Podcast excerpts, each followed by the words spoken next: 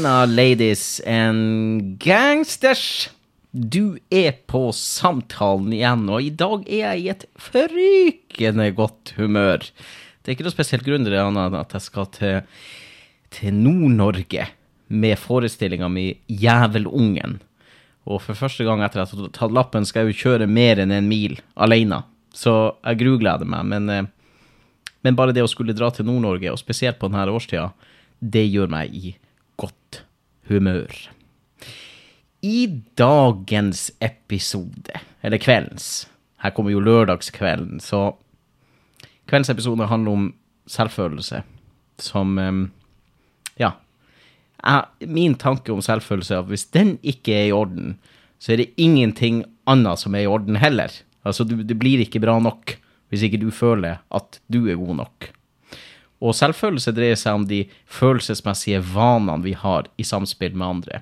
Hvordan vi har lært å bruke følelsene som signalsystem ute i det sosiale livet. God selvfølelse er å føle seg like verdifull som andre. Hallo, Karina. Hei, hei. Hei, hei. Vet du hva, det er to minutter siden jeg kom inn hit på, på, i studio. Og så sier jeg til deg at, vet du hva, vi skal ikke prate noe før vi begynner å lage podcast. Nå skal vi bare gå på.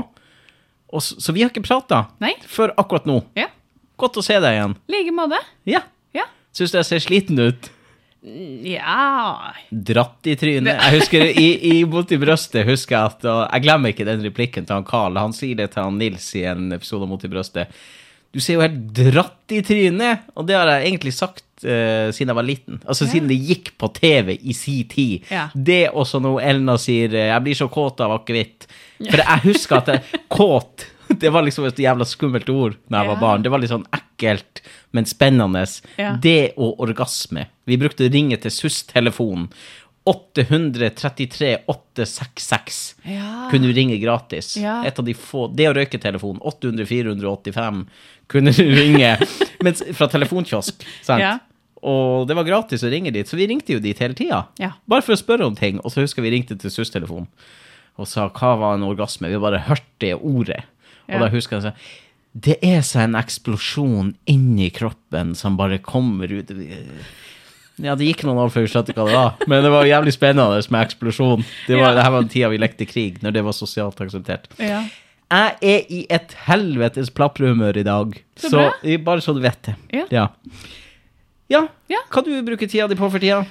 Vi er jo ute i oktober. ja eh, jeg bruker tida mi eh, på jobb, selvfølgelig. Mhm. Men også i forhold til noe kattfiller som Ikke kattfiller, da, men eh, katten som dattera mi har fått til bursdagen sin. Aha. Mm. Ville du ha katt? Ja, jeg, altså, jeg har jo hatt katt sjøl før, Mhm. eh, og syns jo det er veldig koselig. Mm. Men det er litt sånn der eh, Plutselig så hører jeg at Frida hylgriner, for da har katten klora henne når hun Mm. ligger og sover, og så våkner hun, og så kommer hun inn til oss, og så kommer katten og biter samboeren Eller kat katt, kattunge? Kattunge. Å, satan, ja. Ja. Det er jo noe helt eget. Og så hører jeg samboeren min 'ta henne kattfilla', Mm. siden hun kasta den. Jeg, holder med samboeren din i det her. Ja. eh, Det her er litt stygge historier, men eh, vi var Vi hadde jo eh, en katt hele oppveksten. Hun het Pussy. Ja. Veldig oppfinnsom der, altså, på navn. Men i hvert fall så fikk hun eh, Pusi, Hun fikk kattunger nær, ganske nært jul. Så vi hadde sånn eh, gulander. Ja. Eh, gulan, ikke sant? Ja. I taket på soverommene. Og så Det var på mitt soverom, eller jeg lurer på På det tidspunktet var det kanskje broderen sitt soverom. Så jeg overtok det etter hvert, da. Men i hvert fall så var det der inn på det rommet det mitt, Vi kalte det bare for midterste rommet, da. Eh, der har jeg fått kattunger. Så når de her kattungene åpna øynene og begynte å gå og sånn her, da Jeg vet ikke hvordan vi havna på at det skulle vi gjøre. Nei. Og det her er jo litt fælt. Men når mamma åpna døra, så da kasta vi kattungene over, altså, over Gullander som landa i senga. Ja, Og det høres ut som noen slags form for skading av kattunger. Det var det ikke. Nei. jeg tror kattungene hadde det jo minst like morsomt som vi hadde det veldig artig med det. Ja. Og eh, når hun Og det er jo fælt, altså. Nå Pussy døde, hun fikk jo kreft. Og vi, ja. hun var jo i live um, mange dager etter hun fikk det- Vi skjønte jo. for det lukta av hun og sånn, men hun ville jo ikke slippe taket Nei. fra oss.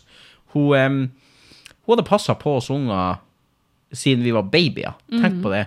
Og når vi gikk inn på Når vi la oss om kvelden, og Kristina la seg først, da var hun Pussy der inne, Ja. og lå inntil henne.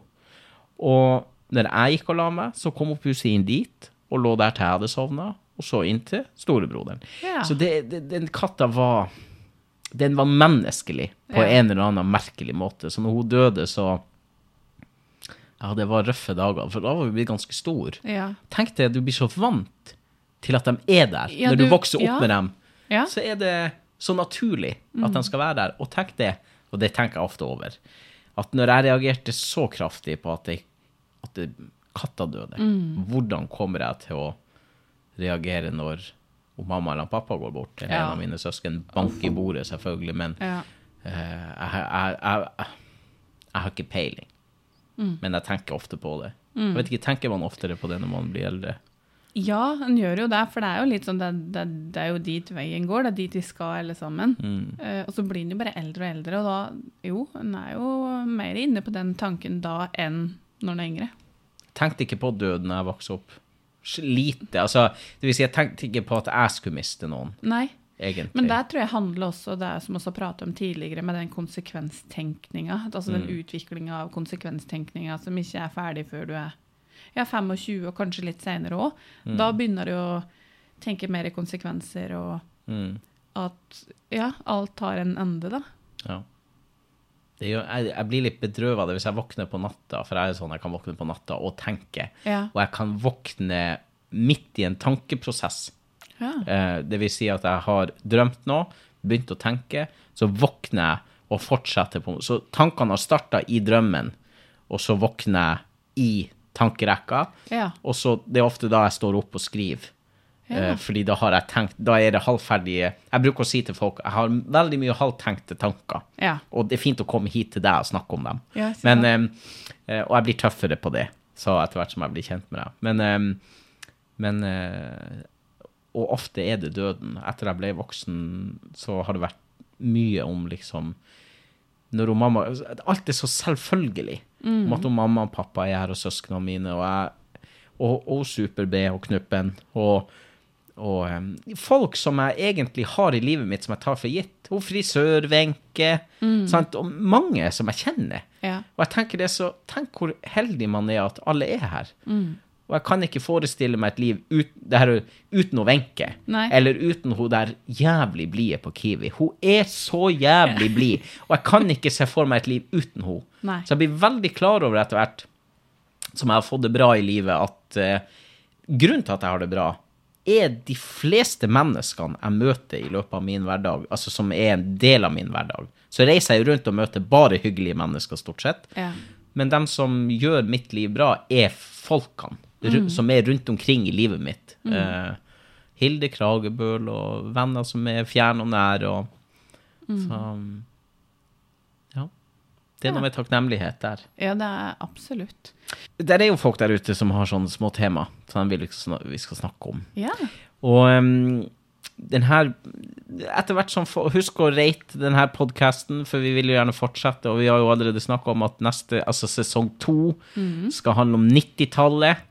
Eh, Yes. og bare for å for, Ja, rate den. Hvis vi skal fortsette, folk må rate den. Ja, og de er blitt flinkere, flinkere til å gjøre det, må jeg bare si. Ja. Bra. Og vi finner jo vår form etter hvert. Det her mm. var jo bare et prosjekt vi starta mm, fordi jeg fikk en idé om det. Mm. Så vi får se hvor, hvor det går hen, det her. Men det er jo folk som sender inn sånne små ting. Og du, vi skal opprette ei Facebook-gruppe nå. Ja. Det skal du få lov til å gjøre. Ja, gjøre. Så kanskje når denne podkasten er ute, så kan du gå på Facebook og søke opp samtalen. Ja. Men uansett, så har folk skrevet eh, litt av det, eller ting vi burde prate om som ikke har noe med dagens tema å gjøre i det hele tatt. Mm. Og her er to ting som jeg, jeg tok i, i dag, for jeg, i og med at jeg er så snakkesalig, Ja. så tenkte jeg at vi kunne prate om de to tingene. Og det første var, det var noen som skrev julekalendere. Ja. Og det er et tema som jeg er veldig, veldig glad i. Ja. Hva, hva, det du, hva så du på da du var liten? Hva ser du på nå? Jeg så på um, Altså, jeg så mye Altså, Jul i Skomakergata. Mm. Mm. Eh, Amalies jul. Jul i Blåfjell. Um, oh, og så husker jeg det var noe sånn derre Og det er mange, mange år siden. Men det var noe sånn sånn De drev med noe sånn døvespråk. Vertshuset Den gylne hale. Yes. Mm. Altså, spør meg, kan alle julekalendere i Skandinavia. Du sitter med mesternes mester på, okay. på jul, altså. Ja. Ja. Jeg husker ikke. Så, det er julekalender, selvfølgelig, da. ja, det var jeg Og husker Vaselina. husker du, Hva husker du av de julekalenderen når den kom? Husker du når den kom? Altså, Jeg trenger ikke årstallet, men husker du når det her begynte å overta Norge? Ja. For det julekalender overtok Norge. Ja, det gjorde jo det. Plata kom jo først. Ja. og så kom jo serien etterpå. Så vi gikk jo alle og sang på Long time ago in Bethlehem. Lenge før vi visste hvem det julekalender var. Det var jo ingen som visste hvem de var. Ja, det tenkte jeg ikke Det har jeg ikke tenkt over. Nei, Nei. De var eh, Det julekalender s- Traveling Strawberries, da. Mm. De, eh, de var jo egentlig var jo et band som het The Difference. Oh. Og han eh, Erik Sachs i Danmark, som hadde laga The julekalender, The Julekalender, Ja. eh, han ville ha en norsk utgave av den. Og det er stort hvis du klarer å lage en TV-serie som blir solgt til et annet land. Ja. Men det var jo I Norge så hadde vi aldri sett før at du skulle ha liksom At det skulle være sponsa. Eh, Hele produksjonen skulle være sponsa og bygd opp av noe. Det ble jo da Kims som kom inn, eller Sætre, da, Ja. som kom inn og var med på den runden. Og jeg husker så godt første episode av julekalenderen den gikk på TV, fordi uh, han Lasse Kolstad har stemmen. Det er broren til han Henke Kolstad som spiller i Juleskomakergata. Og han, jeg husker det første man fikk se, da var det ei luke som gikk opp, og så hørte du han sa Kims presenterer det julekalender. Så er det jeg gåsehud. Ja. Se den gåsehuden der! Jeg husker det, for jeg ble så skremt av den stemmen. For han Lasse Kolstad, han har sånn han er sånn, Det var en mørk Han var så Ja. skummel. Og vi hadde gleda oss til det julekalender. På gatekjøkkenet i Kjøllefjord så fikk vi Der delte de ut en sånn papp-julekalender med det julekalender. Ja. Så skulle du følge med på TV og um, åpne luken til det. Så vi gleda oss til det. Men det er jo ikke noe barneserie på noen slags. Nei, måte. det Det var skummelt fra Ja. dag jævla én. Og jeg husker jeg og søskenbarnet mitt så første episode, og når han kom gående Og jeg skulle gå hjem fra han etterpå. Mm. Da var det mørkt ute, for det gikk, jeg gikk jo halv åtte eller noe sånt. Ja. Og den her eh, mannen som gikk i regnet, Ja. altså han Benny ja. Når det kom dung, så kommer han gående, ikke sant? Ja, da var min kveld ødelagt. Og jeg skulle gå hjem rett etterpå. Jeg synes det var, det var pisseskummelt, synes jeg det var. Ja. Men vi fulgte med. Det var spennende, så den her engelsken vi skjøn, Plutselig skjønte vi jo engelsk. ja. Og vi, jeg kunne jo ikke engelsk på det her tidspunktet, ikke sant? Og, men det var jo ikke engelsk, men vi skjønte jo at det ikke var engelsk. Å, herregud, vi, vi kan jo engelsk plutselig. Skjønte ikke at det var trøndelsk, eller hva de kaller det for, ja. Ja. Så nei, det julekalenderen var spesielt. Og bare sånn sidehistorier så mange år etter det julekalenderen gikk på TV. Så var, jeg hadde jeg tannregulering. ja. Fikk den da jeg var 12-13. Så da måtte jeg til Hammerfest for å stramme en gang i måneden eller annenhver måned. Stramme tannreguleringa. ja. Og jeg brukte å reise sammen med en kompis, og eh, vi hadde én felles interesse her i verden, og det var filming og kamera og sånne type ting, da. Så vi ville starte lokal-TV. Um, ja, vi, og vi laga sånn Redaksjon 21 nede i kjelleren og masse ting. Og um, når vi reiste til Hammerfest i dag for å stramme tannreguleringa, så brukte vi å spise frokost på et hotell. For alt var jo betalt av trygdekontoret. Ja. Da hadde vi rekvisisjon for flybillett og taxi og alt sånt her. Eh, og når vi sitter her og spiser eh, frokost, det her var åtte-tida på morgenen i bordet, Ved bordet ved siden av oss, der sitter eh, det julekalender. Alle tre Oi. sitter og spiser frokost, og reiser dem rundt med det julekalendershow. Og vi sitter og ser på dem. Vi hadde videokamera med oss. Og eide jo ikke skrupler. Altså, det er vanlige folk, det her. Ja. For meg så har det, er det alltid sånn, det er vanlige folk. Mm. Det er ikke Ok, bare Det er ikke Erna Solberg. Nei. altså, det, er, er- det er ikke statsminister. Nei. Det er jo Erna Solberg som Ja. har en jobb. Det er, alle har bare en jobb. Mm. Spiller ingen rolle hvem de er. Det, de er ikke noe bedre enn en oss andre. De har bare en jobb. Mm. Om de er kjent eller spiller ingen rolle. Så jeg gikk bort og spurte om ikke vi kunne få spise frokost med dem, og du, du, du, du, og Vi satt jo der et par timer. Ja. Eh, drakk kaffe, spiste frokost. Uh, vi fiska frem videokamera. Vi fikk dem til å kjøre hele Olaf. Jeg står under mistelteinen. Jeg har lagt den her. Jeg, den ligger på Facebook-sida mi. Oi. De gjør den live foran kameraet mitt, eller Markus sitt, jeg husker ikke hvem sitt det var. Uh, så spesielt. Og flere år etterpå nå, det her er jo kanskje tre år siden eller to år siden, det var etter koronaen, så lagde jeg et klipp hvor jeg ringer til han Olaf Ja, det så jeg. for å bestille brennevin til bursdagen min. Eh, og den delte jo det julekalenderen. Det var litt artig, da, fordi at um, de fikk jo se det opptaket òg. Ja. Det er utrolig folk man har møtt. Eh, Sittet og drukket kaffe med Rolf Wesenlund og prata med han om gammel revy. Altså, Jeg er veldig eh, fælt opptatt av Revy-Norge, altså Olalla Thorsen. De her gamle revyheltene. Ja. Hvordan de røkte og drakk før forestillinga. Rolf Wesenlund sovna under forestillinger, for han har spist surkål og drukket øl i kjelleren. Det er helt fantastisk historie med, med forbildene mine. ikke sant? Fleksnes. Sånn som Fleksnes. Sidekommentar. Fleksnes. Episoden som heter Ensom. At en mann kan stå i 45 minutter og holde én lang monolog, som er én episode av Fleksnes, det er helt utrolig at vi blir underholdt av én mann i 40 minutter, som den var opprinnelig, 45 minutter, Ja. um, hvor han bare prater med seg sjøl, egentlig. Jeg synes det er helt, det, For meg så er det kunst. Ja. Når jeg ser Atle Antonsen og Golden, for eksempel, sitte og harselere med folk eh, og, og sånn typisk sånn mobbe-TV For meg er ikke det underholdning. Nei. For meg er det underholdning hvis du klarer å underholde mennesker, bare du, med å være sånn som du er, og din humor. Sånn som han Oluf gjorde i sin tid. Ja. Men her skal vi prate Vet du, jeg, som sagt, jeg er jævlig snakkesalig i dag. Jeg ser eh, julekalendere, så du vil ikke det tru. Det er derfor jeg gleder meg til 1. desember. Jeg starter morgenen med Amalies jul. Ja. Det, ser jeg, det er det første jeg gjør på morgenen. 1. desember. Gled- Kaffe i senga, Amalies jul. Koser meg med det. Anne Marie Ottesen og Pia. Koser meg med det. Mm. Og så ser jeg Juleskomakergata, og det er morgenen. Det er morgenen, ja. Det er bare morgenen. ja. Ettermiddagen begynner tidlig. Eller kvelden begynner tidlig, for da må jeg se Olsenbanden juniors julekalender. Jeg er nødt til å se eh, eh, ha, eh, he, eh, Helland og Halland, holdt på å si. Albert og Herberts julekalender.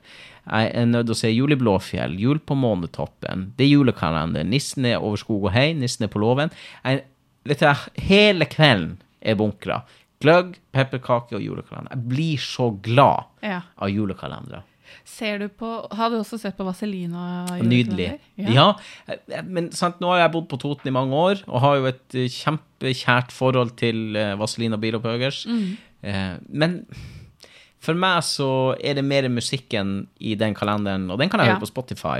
Så for meg var ikke det helt um, Det ble litt, for meg da, personlig, litt slapt. Selv om jeg vet at folk elsker det, og det er veldig koselig eh, og sånn, men for meg er det mer musikken til Vazelina som enn selve julekalenderen. Og jeg har ikke plass til flere. Nei. Nei, jeg, det holder med dem jeg har nå. Ja.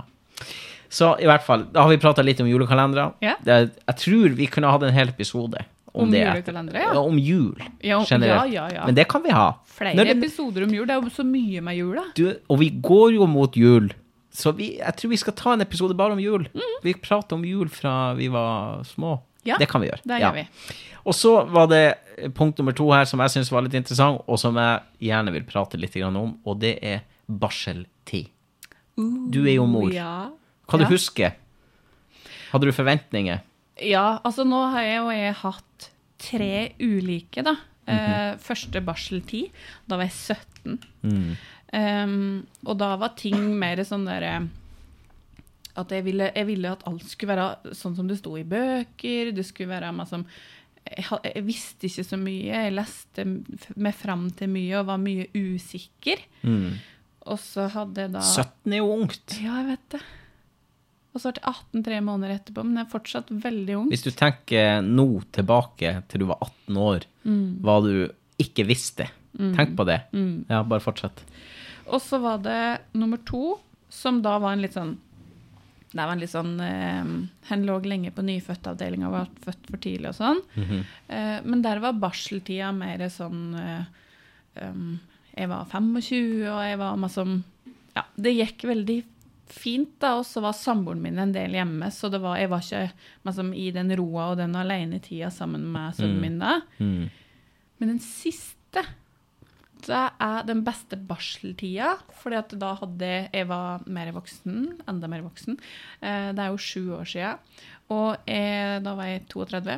Eh, og så hadde mm, eh, den indre roa, den derre å vite at nå er det ikke flere, dette skal jeg nyte, dette er siste. Vi var på babysvømming, vi var på babysang, vi trente, vi kosa oss, på en måte. Så jeg har tre ulike opplevelser av barseltid, da. Mm. Ja.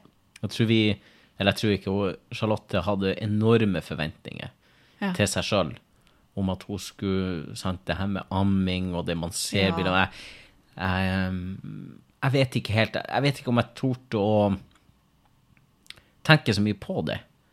Nei. Folk der ute kommer med så mye advarsler om hvor jævlig det skulle bli, og ah, liksom Um, Folk ser jo bare sin egen historie ofte, sant? og da er det bare den som gjelder. Også når du skal gi råd og tips. Og det kan jo lett provosere.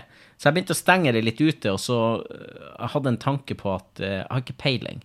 Fordi at svangerskapet òg var jo vi måtte jo, sant, Det ble jo funnet en hjertefeil, ikke sant? vi måtte inn og ut av riksen, og, og mange mørke dager Ja. underveis. Og vi hadde jo tidlig ultralyd, og um, vi eh, Jeg er litt glad fordi jeg har vært der fra dag én. Jeg har vært der fra den dagen hun sa at hun var gravid, eh, til nå. Til og med i dag. Så har jeg vært der hele veien. Hver eneste dag. Jeg har vært eh, ved to avbrekk på et par dager. That's it. Ellers har jeg vært der fra Veslemøy, ble unnfanga i Dyreparken i Kristiansand, Ja. eh, til hun ble født på Elverum, Ja. eh, til hun i dag I dag snudde hun seg eh, for første gang sjøl. Ja. Så, så Men, men den er så um, så, så jeg kan ikke egentlig Barseltida har vært, og er jo, vi er jo fortsatt der, bare Egentlig bare kos. Der er du, Jeg tror at når du er der hver eneste dag, når begge er der hele tida, så blir man så kjent med henne som man kan. Som man ser fra dag til dag, og så justerer man seg opp og ned i forhold til hvor hun er. Sant? Men hun er så jævlig blid. Smilende hele tida. Ja. Noen har det bare på morgenen. Vi har det hele dagen. For hun sover jo ikke før på natta. Hun sover gjennom hele natta og så våken stort, nesten hele dagen. ja. Um, og vi greier ikke å tvinge henne til å sove. Hvis hun ikke belger og skriker for at hun er trøtt, så vær våken. Så kan du sove til kvelden. Um, um, vi skal prate senere om det her med amming, og vi har masse tema inn i det som jeg tenker er naturlig for oss å prate om etter hvert. Ja. Men, men uh, stort sett bare kosen. Hun er, sover og er blid og fornøyd. Og jeg tror grunnen til det er for at vi er der begge to. Hun har begge foreldrene der. Hun har vært vant til å høre begge stemmene i magen ikke sant? i ni måneder. Og så kommer hun ut, og så er vi fortsatt der. Og den sant? Hun har den tryggheten. Ikke sant? Ja. det er det, det det hun er vant til å høre. Det er ikke bare Charlotte sin stemme, er bare min. Det er stort sett begge to. Og du vet, jeg synger jo til henne og danser med henne og um, prater med henne. Prater noe djevelsk. Og hun Ja. blir så Det er så artig å se at hun em, Når hun sitter i den vippestolen, og jeg sitter og synger til henne, så begynner vippestolen å gå. Hvis jeg Ja. danser, så går vippestolen, og hun blir helt i hundre og blir glad. Det er rart at man kan ha den Man har lagd det, og man har den effekten på det. Jeg syns det er helt fantastisk eh, at det går an. Charlotte lager jo Hun slutta å amme, så nå er hun eh, flaskebarn. Um, og, og det har jo sin årsak, årsaker, vi skal prate om det en annen gang. Men hun Charlotte hun, hun lag, nå har hun begynt å spise litt mat. Hun Charlotte lager hjemmelaga barnemat. Ikke sant? Hun, ikke noe kjøpt i butikk. Hun, vil vite, hun Charlotte vil gi hun Veslemøy det beste. ja. Enten fra seg sjøl, og når hun ikke kan det lenger, så skal hun vite hva hun gir henne. Jeg synes det er så Og det er ikke et ondt ord om andre som kjøper barnemat, herregud. Men, men at det sier noe om Charlotte, om hvor god hun er som mor. Absolutt. Og det var jo derfor jeg sa at eh, kort tid etter jeg møtte henne, du kommer til å bli mor til mitt barn. For hun var mamma uten å ha et barn. Ja. Og nå, når jeg ser hun Charlotte, alt hun gjør med, Hun er på babys. I går så dykka hun Ja. eh, Vesle Møy, sant? Hun, I går var hun fire måneder eh, på dagen. Eh, så det er liksom Ja. Men den er så uforutsigbar, og det skjer jo noe hele tida. Selv om ikke folk rundt ser det. Så du ser det. Bare det gurgles på en annen måte, så ser jo du det. Eller hører det. Mm, så det er ikke noe, det er ikke noe prototyp, eh, prototypisk barseltid. Nei. Det fins ikke. Nei, det gjør ikke. Så du kan jo sitte i de her jævla gruppene, hvor Charlotte har jo sittet, Ja. er med i flere av de gruppene, hvor de sitter og advarer hverandre og sitter og spekulerer. Og sitter, jeg tenker ofte vær noe mer for ungene enn å sitte på den Facebooken. Ja. Logg litt mer av der, og så se ungen din i øynene. Ja. Så, så, så for alle der ute som, som er gravid og som skal bli mor og far og alt sånt her, det er ingen Du kan ikke lese noen plass Nei. hvordan det skal bli. Jeg har tre forskjellige og veldig ulike. Mhm. Eh, Så jeg kunne skrive under på at det, det går ikke an å lese seg fram til. Eller, og det er litt sånn hvor du er i livet sjøl Ja. ikke sant? Det er liksom hvordan du tar ting. Ja. Du kan bli frustrert. Jeg sier ikke at ikke det er dager man er frustrert, yeah. sant? for det er det. For det er dager hvor du bare Sånn som når, i går, når du jeg har stått og laga middag i to timer, dekt opp og holdt på, da. Da er det ikke greit for å Veslemøy, helt plutselig. Nei. Så da er det en av oss må spise, og en av oss må ha ho, og så må vi bytte på det. Så hele den tanken om den romantiske middagen og alt det her blir jo helt borte. Og du må bare godta det. Og i går så kjente jeg at nei, faen òg. Ja. Nei, Veslemøy, det her er ikke greit. Sant? Og jeg sier det til henne òg. Ja, ja. no, Nå gjør du det veldig utrivelig for oss alle tre. Sant? og så og sitter sier Charlotte at av og til så må vi kunne si det direkte til henne. Mm. Ja, at hun Veslemøy må få høre det av og til.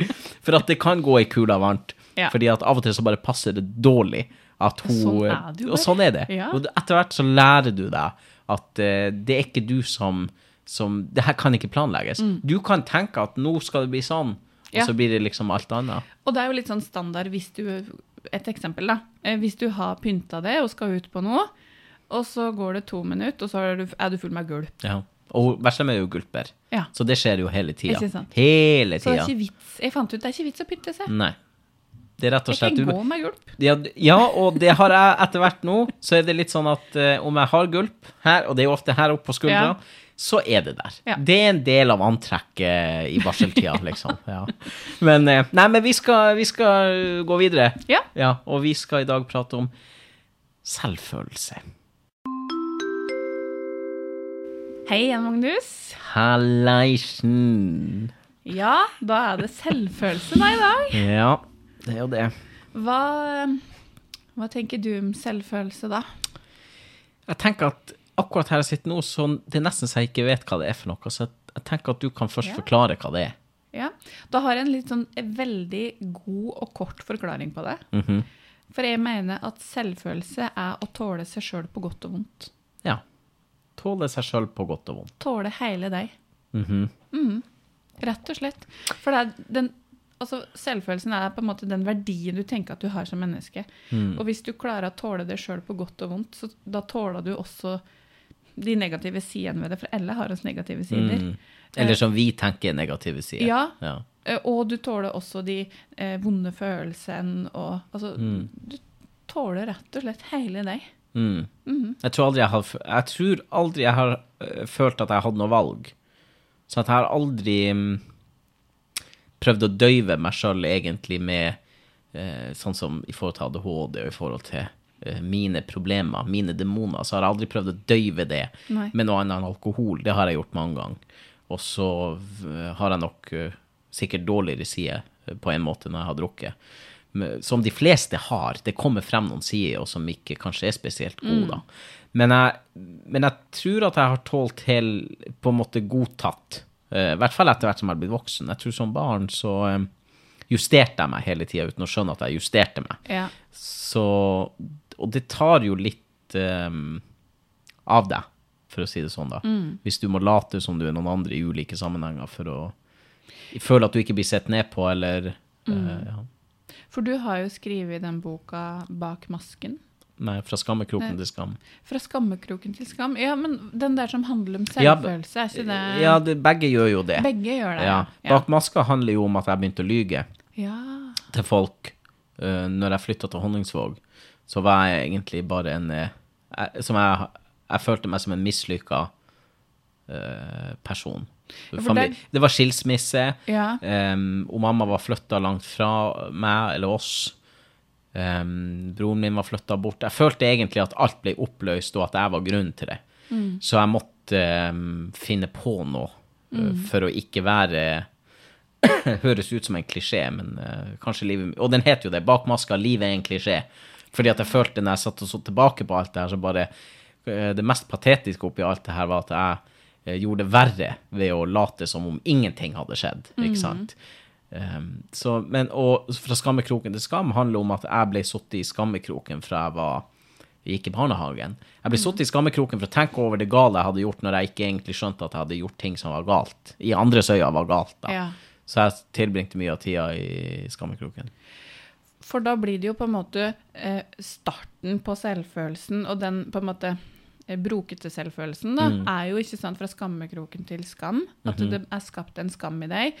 Og så kommer den der For grunnen til at jeg tenkte at det var en selvfølelse bak masken, er jo fordi at du da har em, veldig ofte at en har en fasade eller en maske på seg fordi en tenker at det som er baka for der, det er ikke bra nok. Og det handler jo om selvfølelsen. Fordi du har blitt påført skam fra tidligere. Jeg Da. jeg følte jeg hadde en, en eh, frem til jeg var godt voksen, en identitetskrise, da. Altså at jeg ikke visste Jeg visste ikke om det jeg sa, hadde noe verdi. Fordi at jeg alltid følte at folk har bare jatta med meg når jeg har sagt ting. At mine, mine tanker om verden og mine følelser for folk og, og sånn har ikke betydd noe. Sant? Det, har vært, eh, det har vært mye i forhold, og det har vært så mye, alt har blitt så mye hele tida. Jeg ville egentlig bare eh, mer og mer det jeg opplever nå, at livet mitt eh, i forhold til Charlotte, vi skal gifte oss, sant? hun veksler med, og vi skal gifte oss, vi har kjøpt hus. Alt begynner liksom å flate mer ut nå til det jeg har villa hele tida. Jeg har en del av meg som er spenningssøkeren, som er glad i eh, altså med livsnyteren, glad i alkohol, glad i mat, glad i røyk og snus og, og kvinnfolk og alt det der. Og så har jeg den delen av meg som bare vil at, som vil ha på en måte A4-livet. Ja. At det skal være rolig. Sant? Vi flytter jo langt fra folk nå. Vi flytter, det bor jo ingen nesten der vi skal bo nå. Og, og det er bare um, skog og trær og vidde innover. Og mm, eh, så, så en del av meg vil bare ha det sånn. Fint. Mens en del av meg liksom så jeg, eh, Og midt imellom der har jeg vært, liksom, hvor jeg har ikke visst hvor, hva jeg hadde Ja. Hva jeg ville ha ut av livet, og ja. mm. det hele Nå sporer jeg litt av, men Men, eh, men ja, til jeg var godt voksen Jeg, jeg, jeg trodde ikke mm, men det tror jeg har litt med det yrkesvalget jeg hadde òg, om at jeg skulle inn, jeg skulle bli skuespiller, jeg skulle bli entertainer og alt sånn, og var på mye auditioner og møtte mye mennesker som bare sa nei. Nei, det her passer ikke du til meg. Nei, du er ikke god nok. Enkle reklamefilmer. You name it. Fikk aldri noe. Fikk aldri et ja. Skrev ei bok. Ingen ville ha den. Refusert, refusert. Um, så jeg har hele tida følt at nei, det, det er ikke plass til det her, Magnus. Nei, nei, nei, nei. nei. Og så ehm, Så jeg har nok prøvd å ta tilbake den som jeg er, og, og prøve å vise den som Magnus er. Men ikke da heller har det gått, liksom. Jeg har vært veldig utydelig. Jeg tror jeg har vært et kaos Ja. av tanker, følelser, eh, dårlig selvtillit til en viss grad. Veldig, jeg er egentlig veldig sjenert frem til jeg er foran på scenen eller kamera og sånn. Da kan jeg blomstre litt opp og på en måte, ja. Ja. Men ellers så, så Og der er jeg vel egentlig ennå, at jeg har, vel, har på en måte dårlig selvtillit, egentlig, og er ganske um, ja. Ja. For det er jo også sånn at under selv, eh, altså selvfølelsen, da, så pleier jeg på hvert fall å dele deg inn at i da selvtilliten, Mm. som er da ting du gjør, ting du utøver, altså um, troen på at du klarer å prestere, altså egne Mm. evner til prestasjon, um, mestringsopplevelse, sånne type ting. Det går jo Mhm. under selvtillit. Mm. Og så deles det også inn på andre sida da selvbildet. Mm. Og det er jo det bildet du har på deg sjøl, hvordan du tenker andre ser deg, og hvordan du ønsker da å framstå, da. De her to tingene her som, som du snakker om nå, Mm. eh, har alltid vært lavt. Lavt selvbilde, eh, dårlig selvtillit. Ja. Egentlig hele veien. På den jeg er. Ja. Men hvis jeg kan gå inn i en annen rolle og gjøre på en måte noe, så har det, da har det blomstra opp. Mm. Um, og sånn er det på en måte enda. Ikke egentlig lam med Charlotte. Nei, der Sånn har du turt å på en måte slippe Ja, masken litt. ja, jeg har det. Ja. Ikke, ikke alt, men mye. Ja. Um, og så er jo jeg et, fortsatt et prosjekt som er langt fra ferdig. Sant? Jeg, jeg lærer ting hele tida om å finne ut hvordan Magnus skal være. Så jeg, mange har sett på meg som et prosjekt, men jeg tror fortsatt at jeg er et prosjekt som jeg sjøl driver og jobber med hele tida, for å bli bedre på ting, og for å bli liksom den Magnus alltid skulle bli. Uten alle de her forstyrrelsene, ting som har skada meg, og som gjør at jeg skader meg sjøl med ting. Så, men ja, begge de der to tingene har vært lavt hele tida. Lavt selvbilde og dårlig sjøltillit. Fra jeg var liten. Ja. Ja. Så jeg ikke å prøve engang, vet du. Sånn som tegning og, og um, Eneste jeg har hatt hele veien, er dansing. Det har Ja. jeg følt at jeg beherska, utvikla. Ingen andre rundt meg kunne det. Sant? Når, du, når jeg moonwalka da jeg var ti eller åtte, eller hvor gammel jeg var, ingen andre kunne det. Så jeg hadde noe som ingen andre kunne, og som jeg syns var så det ga Det har jo berga meg gjennom mye, er jo dansinga. For den har jeg tatt opp ved jevne mellomrom gjennom hele oppveksten, og vært med på ungdommens kulturmønstring og markedsdager og forskjellige ting. sant? Og Jeg har ikke vært redd for å gå på scenen. Sånn at når jeg entra scenen fra jeg var fem, fire-fem, så var det ingen andre som torde det. Nei. Sant? Så, de to, så på scenen var alt OK. Og det Ja. er liksom i jævelungen min nå, så prøver jeg jo å male et bilde over, ja, at um, det er ikke sort-hvitt, det her. Nei. At selv om du ser noen, eh, og nå tenker jeg jo, jeg jobber jo med å, å prøve å inspirere folk til å dele sine ting, og det er jo derfor jeg deler fra mitt liv, men at når jeg gikk på scenen, så så jo folk, da var det jo alt artig. Sang og dansa og fleipa og fortalte vitser, tut, tut, tut. men når jeg ikke var der, og stort sett var jeg jo ikke der, så var jo ting langt ifra ok. Ja. Sant? Og jeg tror ofte vi ser på folk som jobber i det offentlige, som har en sånn, en sånn ja, det er Uansett når vi ser folk som er på jobb, så, så tror vi kanskje Fordi at de er blide på jobb og serviceinnstilt, og de smiler og flirer og holder på. Eh, men realiteten, altså Kanskje de for en, ja, for en stakket Ja. stund så tenker man ikke over sine egne Nei. problemer, liksom. Så eh, nå så prøver jeg å fortelle folk om begge deler. Ja. Det blir mer der at jeg Når jeg ser folk kommentere om meg i videoer og sånn, så tenker jeg fy faen, men dere kjenner meg jo ikke engang. Nei. Dere vet jo ingenting om meg, bortsett fra akkurat det jeg har latt dere Mm. få vite, liksom. Det er så mye mer. Og så driter jeg i det fordi at vi kjenner ikke hverandre. Men, men i noen brøkdel sekunder der, så tenker du over at du gjerne skulle visst dem hvem du Altså, Hvem du egentlig hvem, hvem Ja. du egentlig er. Men, men for å gjøre det, så må de jo være rundt deg. Ja. Sant? Og du kan jo ikke ha 200 000 mennesker rundt deg. Det går Nei. ikke an. Eh, og så har jeg jo samtidig ikke noe å bevise for dem. Og jeg er jo sjøl skyldig, for det er jo jeg som legger ut. Det er jo jeg som gjør meg til Jeg gjør meg jo sjøl til en eh, til ei målskive for eh, synsing og mening og kritikk og alt det her. Ja. Så, men ja. Men det høres jo ut som at du, du har vært en sånn person som ikke gir det òg, da. At mm. um, selvtilliten, selvbildet, har vært lavt. Men du har jo gått på audition, du har jo eksponert det, Ja. du har jo hele tida Drømmen har vært for sterk. På, ikke sant? Så Ja. bra! For det er jo også dem som legger seg ned og eh, kanskje kan havne litt sånn i offerrolle, eller eh, Å, bli tro den der som vært- går på jeg har- autopilot. Jeg har vært i offerrollen. Ja. Mange, mange ganger. Ser du ikke meg? Ser du ikke hvor synd det er i meg? Hvorfor får ikke jeg en sjanse? Hvorfor får alle en sjanse? Ja. Sant? Og jeg har funnet ut at du bare forurenser deg sjøl. Ja. Det, det, det blir så jævlig mye verre. Men det er jo derfor jeg er så jævlig takknemlig fordi at jeg har skapt min egen arbeidsplass, Mm. hvor jeg har så mange muligheter. Sånn som det her vi sitter nå. At noen hører det vi sier. Mm. Noen blir inspirert, og noen kjenner på det samme som det vi sitter og snakker om. Det har hjulpet dem. Vi vet ikke hvem de er, men vi har hjulpet dem Ja, et eller annet. ja. Eh, I hvert fall så har vi underholdt dem en stakk. Noe har vi gjort. Mm. Og så eh, nå reiser jeg til Nord-Norge og skal møte et par tusen mennesker i Nord-Norge. Barn og unge og i det hele tatt. Jeg kan sitte på scenen og prate om oppvekst og skit om alt mulig. Noen får hjelp. Og Mm. så kommer jeg hjem, og så kan jeg hjelpe Charlotte og Veslemøy med ting. Og så kan jeg, sant? Det er den delen av meg som er veldig god. At Mm. det liker jeg. Jeg liker å se at jeg hjelper noen.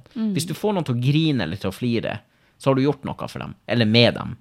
Og så kan jeg Den delen av meg har alltid vært sånn. Siden jeg var liten og mamma fortalte liksom at jeg hjalp til å vaske hus, og hvis jeg hadde husarrest, så hjalp jeg til å, å bære hit og dit og handle for bestemor og alt det her greiene her. Elska det. Men så hadde jeg den delen av meg som, som ble ødelagt. Som, som ikke var noe snill, på en måte. Som trodde verden var ute etter å ta meg, og som, hvor det var, gjaldt å sparke og slå mest mulig fra seg. Og at verden ville egentlig ikke ha det. Det var det jeg følte. Og, og til dels i voksen alder òg følte det. Jeg skulle inn på en audition til en patetisk, idiotisk realityserie. Og kom inn, Jeg hadde sendt bilder på forhånd, men de kunne ikke se høyden min eller meg. Og, og ble invitert på audition, kommer dit, får beskjed om å kle av meg. Eh, Jeg var 80 kilo, uh, rufsete hår i det hele tatt. Og så Å, du, å, du var ikke lik deg sjøl på bildet, sier hun. Så tenkte jeg, hva i faen mener du med det? Men som sagt, eh, en, en viss en, en del av meg har hatt en sånn gi faen-holdning òg. Ja. Nei da, så jeg kledde noe av meg der. Det er ikke før nå jeg har tenkt, hva i faen? Er du det er en en, å være så Ha så dårlig eh, selvrespekt at jeg går inn og klær av meg foran tre kvinnfolk som skal bedømme meg, Ja. om jeg kan være med i en eller annen patetisk, idiotisk eh, skit-TV for folk som ikke har noe bedre å gjøre enn å sitte og se på det. Sant? Jeg jo Og der må jeg jo si at der har jo min verdi steget himmelhøyt. Ja. Det kunne jeg aldri gjort i dag. Kunne aldri vært med i et program som Oljebarna, hvor jeg sitter og prater piss om at hvis ikke jeg får skuespillerjobber, så skal jeg være på Nav. Jeg har vært på Nav to måneder i hele mitt liv, eh, og, og det var på dagpenger, for restauranten jeg drev, gikk konkurs. Eh, når jeg var med i Oljebarna, så drev jeg jo restaurant ved siden av, men Ja. det ville de jo ikke vise. Sånn at det er pisspreik, hele Ja. greia. Sant? Men, men jeg skjønte ikke eh, jeg, jeg skjønte ikke egentlig hva vi holdt på med med den her oljebarna. Jeg tror jeg, jeg, jeg var så hungrig. Jeg hadde skrevet boka, den var ferdig, så jeg skulle bruke det som et springbrett for å Nå, her, nå skal jeg gjøre noe som er bra. Ja. Og så blir det helt eh, misforstått, ikke sant. Så begynner folk å spytte etter deg på gata og liksom de, sånne ting. Men, men uansett, du blir sterkere av sånt, for å si det. Du blir sterkere av at mange mener noe om deg. Du blir tøffere av det. Og samtidig så har du den veldig menneskelige delen av deg som bare vil at ting skal være hyggelig og koselig og bra. Og, og det er en veldig sånn konflikt i meg i det, fordi at i jobben min så er jeg nødt til å si ting som kanskje er litt eh, Kanskje noen blir såra av det, kanskje noen blir provosert og forbanna, og da hater de deg. Og, og du vil ikke at de skal hate deg. Sant? For du er egentlig ikke en slem person, sånn egentlig. Så, så jeg vil fortsatt i, en, i den Det å finne min form, egentlig, i forhold til eh, hvordan jeg skal jobbe. Nå har jeg jo sletta meg fra Snapchat, Ja. eh, sletta meg fra Instagram. em, rett og slett fordi at um, telef Altså, jeg, ser at det er en del av meg der som ikke eksisterer. Det, jeg gjør ting der inne og holder på å surre og vase, em, og det er ikke ekte. Eh, Det som er ekte, er, er den du sitter sammen med nå, og den jeg er sammen med, med Charlotte og Veslemøy, og, og styrer og stell. Så, så jeg bare vil ikke mer. Det gikk til et punkt hvor jeg bare Nei, det her kan jeg ikke fortsette med. Så bra. Ja. Så, og etter det nå, de siste ukene, helt perfekt. Jeg, jeg tar nesten ikke opp telefonen lenger. Og du savna det ikke heller? Nei. Nei. Vet du meg hva? Jeg, jeg, ja, den delen jeg savner, er jo at i forhold til jobben. At jeg kan eh, dele Nå kommer jeg dit, eh, se her, nå, eh, nå jobber jeg med det her. Eller legge ut sånn type teasere, for jeg, nå skal jeg skrive en ny bok om Turbotor. Så jeg skrur jo av Jeg har jo kutta ut uh, 100 000 følgere Ja. for de fleste andre som lever av reklame og sånn der, det er jo galskap. Tvert imot. Mere inn, mer folk inn i livet mitt. Ja, bare kom og se hva jeg gjør, se hvor flott og interessant det er. Men jeg fikk jo nok av det. Og det er bare akutt. Det her um, kan jeg ikke holde på med lenger. Det er ikke meg. Nei. Nei. Og nå skal jeg kjøpe 3210. Så da forsvinner den her. Da og da, da må vi ringes, eller Ja. sende en melding med maks 32 tegn. Ja. Ja, så det blir et nytt liv igjen. Ja. Nei da, men det er noe med å, å, å skjønne når ei grense er nådd, Ja. liksom, og Ja. ta eh, avgjørelser som, som er bra for deg og resten av dem som er rundt deg. Mm. Ja. Mm. Men tenker du i dag, Magnus, at du klar, For du forteller jo at du også fortsatt har ulike deler av det, eller delpersonligheter, eller hva man skal kalle det. Um, tåler du alle delene? Klarer du å romme hele deg? Um, nei. Nei. Det er ting jeg skammer meg over.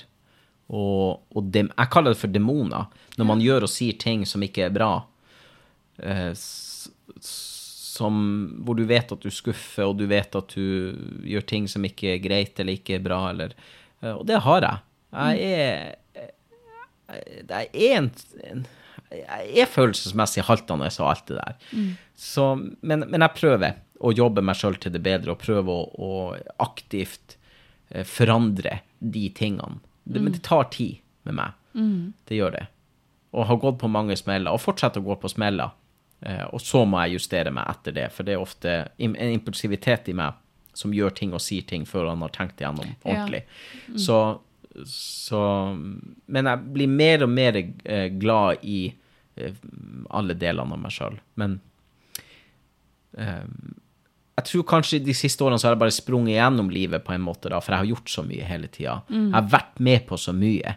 Og skulle ta igjen på, på åtte år det jeg ikke hadde gjort fra jeg var 20 til jeg var 30, liksom. Ja. Eh, Så å reise mest mulig, sant? flere hundre reisedager i året, gjøre mest mulig forestillinger, signere mest mulig bøker, selge mest mulig bøker, eh, dukke opp her og der. Så jeg har jobba meg i hjel mm. de siste årene. Istedenfor å stoppe og se hva jeg faktisk klarer å gjennomføre. Og se det at når du uh, I begynnelsen, ikke sant, så hvis det var en ark som hadde ei bok av meg, så, så dro jeg jo dit. Bare for å se at den sto i bokhylla, og se, at, se hva du har klart. Ja. Og nå, så, hvis jeg er innom en ark, så ser jeg ikke etter bøkene mine engang. Og det er litt synd, det.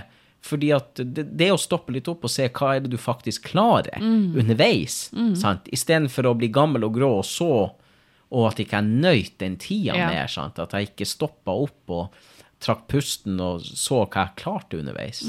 Og det gjør jeg nå. En i øyeblikket. i øyeblikket, ja. ja. Og det gjør jeg nå. Det er derfor jeg kutter ut også mye av det her med telefonbruk. Er jo for å bli mer til stede og reflektere mer over hva jeg gjør og sier og, er, og hvor jeg er. Så istedenfor å sitte Så jeg tok toget her til, til uh, Trondheim for noen dager siden. Og da hun som satt ved siden av meg, var opp og ned med telefonen hele tida. Opp og ned, opp og ned, opp og ned. opp og ned. Jeg satt og kjekk ut vinduet, men da hadde jeg jo hun i sidesynet. Ja. Jeg fikk med meg hele togturen ut vinduet. Men Ja. det gjorde ikke hun. Nei, hun satt og så på telefonen. Opp og ned, opp og ned. opp og ned. Så bare den turen der, så kjente jeg jo virkelig på det. For det er jo ikke så mange. Det er jo bare et par uker siden jeg, jeg sletta alle Ja. appene. Uh, og det var en av de første dagene jeg virkelig merka at jeg ikke hadde det lenger. Mm. Eh, det var ingen grunn for meg å ta opp telefonen. Og jeg tror det er mange som hadde trengt det, Mhm. eh, inkludert meg sjøl. Jeg er ekstrem Altså, Samboeren min sier det at 'å, du er så ekstrem på, på telefon'. Og ja, jeg jobber jo mye på telefon, da. Mm. Det er jo det de rundt oss ikke forstår. Ja. er jo at um, du skal levere noe til dine følgere. Ja. Og de, du skal sørge for at de husker på deg gjennom hele dagen. Mm. Og det er nettopp derfor jeg òg ville kutte det ut. Mm. Eh, var for å rett og slett ikke hadde den For meg så oppdaga det det er en forstyrrelse. Mm. Og da får de heller glemme meg litt av, da. Og så kommer han plutselig igjen med noe. Ja. Ikke sant? Så jeg vil ikke, For Facebook krever ikke det av deg. Men Snapchat, Instagram, Ja. TikTok Alle de her krever at du er hele tida der. Du må være der hele tida. Og det mm, Ja, jeg ville ja, ville bare ikke ha det. Nei. Og så sitter jeg og ser på film med Charlotte, og så sier hun eh, Du må du følge med på filmen nå. Ja, men jeg jobber. Ja. Altså, Den tror jeg samboeren min har hørt. Ja. da- Den blir veldig lei det, da. ja, Og det skjønner jeg. Mm. Ja, det skjønner jeg jævlig godt. Altså, jeg, Fordi at når Charlotte tar opp telefonen, hvis vi sitter, så, så blir jo jeg det. ja. Så jeg kan jo bare tenke meg hvordan det er. Hun tar den opp én gang, jeg tar den opp 20. Ja. Sant? Ja. Så um, vil bare ikke ha det mer. Mm.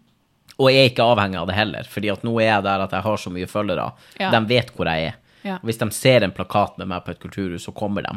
Ja. Så, så de trenger ikke å se. Og, og livet mitt er ikke så interessant. Sant? Det er jo noe med å skjønne òg at om du forsvinner, livene til dem der ute forandrer seg Nei. ingenting. Så du bare plager deg sjøl med å tenke Og nå må jeg si noe. Å, nå må jeg ha noe på hjertet. Sant? For det er, jo, det er jo det som er draining her, er at det skjer ingenting. Så jeg må finne på noe Ja. og vise folk. Når, når jeg har sittet og sett på de her eh, Snap-greiene nedover, som ofte er bare bikinibilder Ja. i de her storyene til de her offentlige Snapchatterne, for det er jo det jeg har vært, Ja. så har det en lang story, og så avslutter de med et bikinibilde, for det er det bildet du ser på anbefalt å følge. Ja. Jeg tenker, Tenk hvor tilbake Tenk at de er nødt til å gjøre det. De er nødt til å legge ut et bikinibilde for å lokke folk til å se storyen deres om hvordan livet deres er. Ja, jeg vil ikke Vet du, jeg bare klarer det ikke. Jeg Nei. klarer det ikke. Og jeg, jeg er sikker på Nå tipper jeg, men jeg er ganske sikker på at hadde jeg gått inn for det, så hadde jeg blitt Norges mest fulgte Snapchatter og Instagrammer. Hvis jeg virkelig hadde gått inn for det. For jeg har så mye jeg kunne ha gjort. Jeg har så mye ideer om videoer og gags og reels. Masse.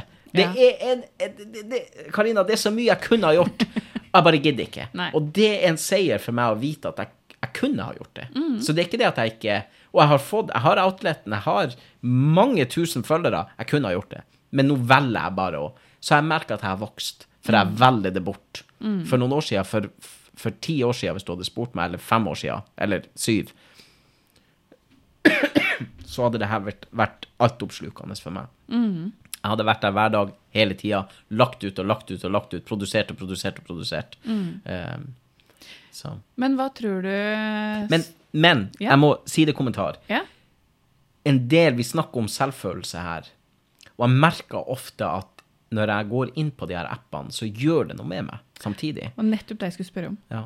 Jeg, jeg, uten for øvrig så sammenligner jeg meg med dem. Og da begynner jeg å stille spørsmål er det jeg gjør, bra nok. Er, er min video eh, like morsom som den her? Er jeg noe dårligere enn de her? Eh, Istedenfor å si at jeg kan jo bare Det jeg gjør, er jo bare jeg som kan gjøre. Og det de gjør, kan bare dem gjøre. Men det er ikke der, det er ikke der plutselig er tankegangen min i helt annen bane. Nei, kanskje jeg må gjøre det mer sånn. Da blir det bedre. For at han eller hun har jo så og så mange visninger på sine videoer og bilder. og tut, tut, tut. Mm. Så helt ufrivillig blir jeg dratt inn i det. Jeg skiter opp i hvor mange likes jeg får, men litt ufrivillig blir jeg dratt inn i det òg. Hvorfor har de eh, 4000 likes på det bildet der? Ja. Kanskje jeg kan mm. Ja, men Magnus du, men jeg, Nei, OK, jeg skiter i det, jeg gidder ikke. å- Sant? Men jeg blir dratt inn i det uten at jeg vil. Så jeg har merka at, eh, at å være på de her kanalene har gitt meg Noen dager er du mer mottakelig eh, for det der enn andre dager. Så noen dager så kan det bare trykke meg ned, og andre dager gir jeg faen, for da har jeg mye å gjøre. Men på de dagene som kanskje er litt sånn Hvor jeg er litt nedpå, så er jeg mer mottakelig for hets og det å sammenligne meg sjøl med andre, og det å føle meg dårligere enn andre. Ja. Og når du kutter det ut, så Hvis det er noe negativt, så bare kutter jeg det. Selv om det har positive ting òg. Ja. Men nå er jeg der at hvis det gir noe negativt, så bare kutter jeg det ut. ja. Da driter jeg i det positive. Det positive kan jeg skape sjøl, for meg sjøl. Jeg trenger ikke å få det via en app. Nei, ikke sant. For det var det jeg skulle spørre om. Hva tror du selvfølelsen Altså, hva gjør sosiale medier, usosiale medier, med selvfølelsen vår? Masse. Masse, masse. Mye mer, for du må reflektere over det. Og barn og ungdom gjør jo faen ikke det. De ikke. De skal følge de andre. Ja. De skal, altså, det her sier jeg på jævelungen. Men vi vokser jo opp, eller barn, og vi òg da, den gang da, vokser opp med at alle er forskjellige. Eh, Vi skal være oss sjøl, vi skal tørre å være oss sjøl. Og så lager vi apper hvor det krever, for å få følgere og likes, at du er som de andre. Så, så den, den, eh, det er så motstridende, alt det her. Det er en sånn dobbeltmoralisme der som jeg ikke liker. Jeg har snakka mange ganger om dobbeltmoralisme. Eh, kanskje for at jeg til tider er det sjøl. At jeg sier én ting, og så gjør jeg det motsatte sjøl, sånn. Um, men, men jeg reflekterer over det òg. Og, barn gjør jo ikke det. Barn og ungdom, som vi snakker om konsekvenser og alt det her. Den skaden barn og ungdom får av sosiale medier, eh, usosiale medier, eh, vet de ikke før om flere år. Om hvor mye tid de har kasta bort, hvor de kunne vært med søsknene sine, vært ute og lært om livet. Altså, du lærer mye om livet ved å legge bort telefonen. Og de redskapene jeg lærte da jeg var barn, ved å være ute og slå meg, og dette ned fra klatrestativ, og være ute om kveldene, alt det her, faenskapet man gjorde og sånn, man lærte masse. Og man lærte egentlig å bli mer selvstendig. Så jeg er veldig spent, og veldig redd for hva som skjer med dem som vokser opp nå, inn i det digitale. De vokser opp inn i det. Ja. Uh, og, og jeg tror at det man glemmer av hvis ikke det er en emoji bak, så er man ikke mottakelig for kompliment, f.eks. Hvis jeg Nei. sier til deg, Karina, at for en flott jobb du gjør Du hører hva jeg sier, du sier sikkert takk og smiler, Mm. men du tar det ikke inn over deg. Og det må vi. Vi må tåle å få skryt, og vi må tåle å skryte til hverandre og gi hverandre kompliment. Mm. Det er faen ikke noe eh, trakassering ved å si hvor fin du var på håret. For det er jo sånn det er blitt nå. At Mm. hvis noen gir et kompliment, eller sier noe, så skal de tolke det sånn som det gjøres i sosiale medier. Ja. Og det går ikke an. Det der er en fiktiv verden. Veldig. Full av overgripere og alt det her. Men når vi begynner å dra det ut i samfunnet, og skal anmelde hverandre for alt mulig rart, og det er trakassering, og det er overgrep, alt blir det her Det er ikke det. Nei. Så jeg tror vi er av Det lenge siden, og jeg er langt fra den eneste som mener det, det vet jeg, eh, at det er galskap. At um, Hashtag metoo var fantastisk, men, men dessverre så falt det på, på steingrunn, fordi at um, man begynte å tolke det Altså at du skulle på en måte være den som sa er det her eh, overgrep eller ikke, er det her trakassering eller ikke. Så en uskyldig kommentar på et julebord ble plutselig overgrep. Eller et uh, uh, Ja, altså den minste ting i verden som ikke var ment sånn, blir plutselig tolka i 2022 som overgrep og trakassering. Og det syns jeg er litt Det er skummelt. Ja. Så, men Jeg har en litt sånn um, Jeg ble litt stolt, for jeg var på foreldremøte forrige uke. mhm. Nei, denne uka her var det. Mm. Eh, og så Frida har hatt bursdagen sin. Og Mhm. så den som har bursdag, får lov til å bestemme hva de skal gjøre. Mhm. Og da valgte Frida bro-bro-brille. OK. Det kjente jeg litt sånn hm, det er bra, jenta mi. Ja. Det er noen år sia. Ja, Ja. Det er jo det. ja, ja, den leken vi snakker om nå. Ja. ja, ja. At hun velger deg i stedet for å på en måte Ja, noe annet da, som er mer eh, Ja, bli med-dansen, for eksempel. Digitalt, eller ja. Mhm. ja. ja.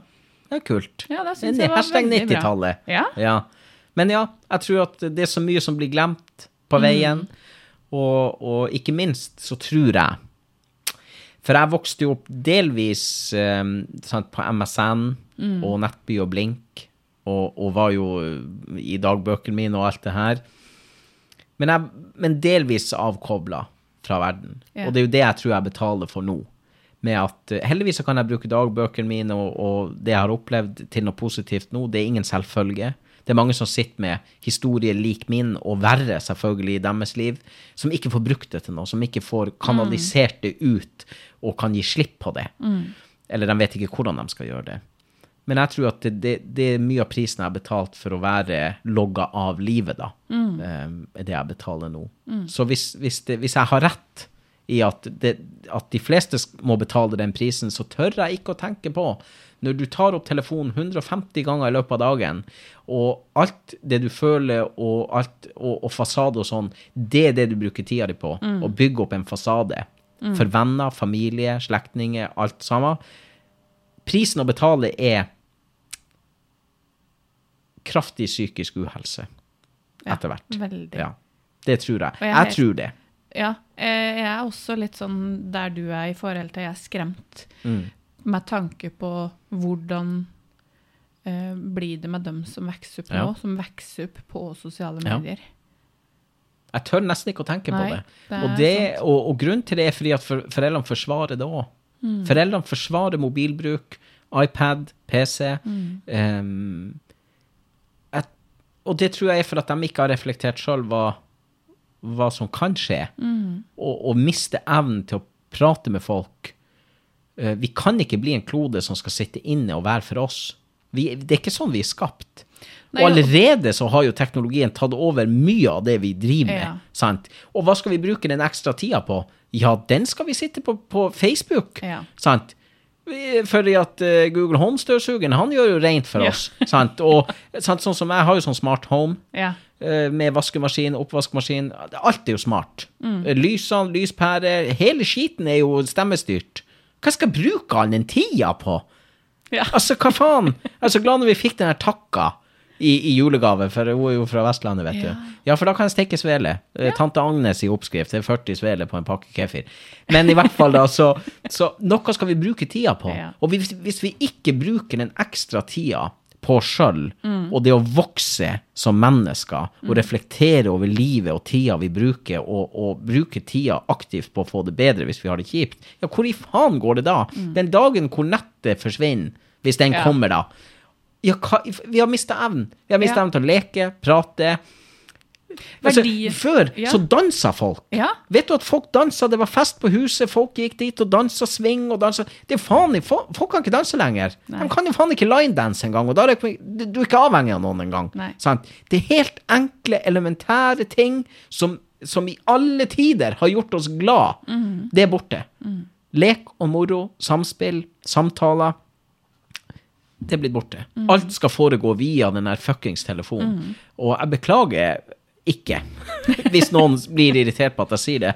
For det er litt overmoralistisk, fordi at livet mitt har jo blitt nå det det har blitt av Facebook. Ja. Jeg har fått en stemme og bruker den og kan reise rundt og sånn. Jeg er takknemlig, men det er jo bruken av det som jeg syns er viktig. Altså. Og vi skal bruke den til debatt, vi skal bruke den til å bli smartere, vi skal bruke sosial. Det er jo en fantastisk ting vi har, hvor vi kan kommunisere med noen som sitter på andre sida av kloden. Vi kan ringe til familie og venner som vi savner. Alt det der. Det er kjempeflott. Herregud, vi har aldri vært foruten.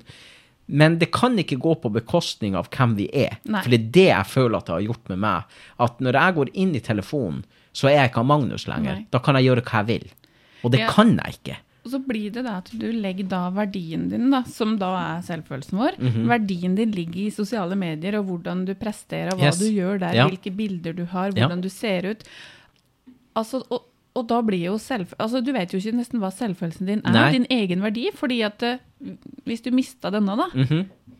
Da har har du ikke alt. verdi. Nei, du mister alt. Det er ikke bra. I telefonen. Nei, det det er er vi ikke bra. gjøre noe med. Det, det er akkurat det, og jeg følte jo En av grunnene til at jeg ville fjerne sosiale medier, var jo at jeg kunne legge ut en video som, som jeg syntes var morsom, og det dutt, dutt, dutt, legge den ut, og så begynner folk å kritisere den. Mm. Og så føler jeg at jeg, som av Magnus, Ja. blir kritisert. Ja. Ikke manuset bak, ikke det viktige budskapet bak, men jeg, Mm. han Magnus, som egentlig er en snill kar, sånn Mm. i bunn og grunn. Han har nå sine skader, men i bunn og grunn er han snill. Det er jeg som blir kritisert. Nei, det er ikke det.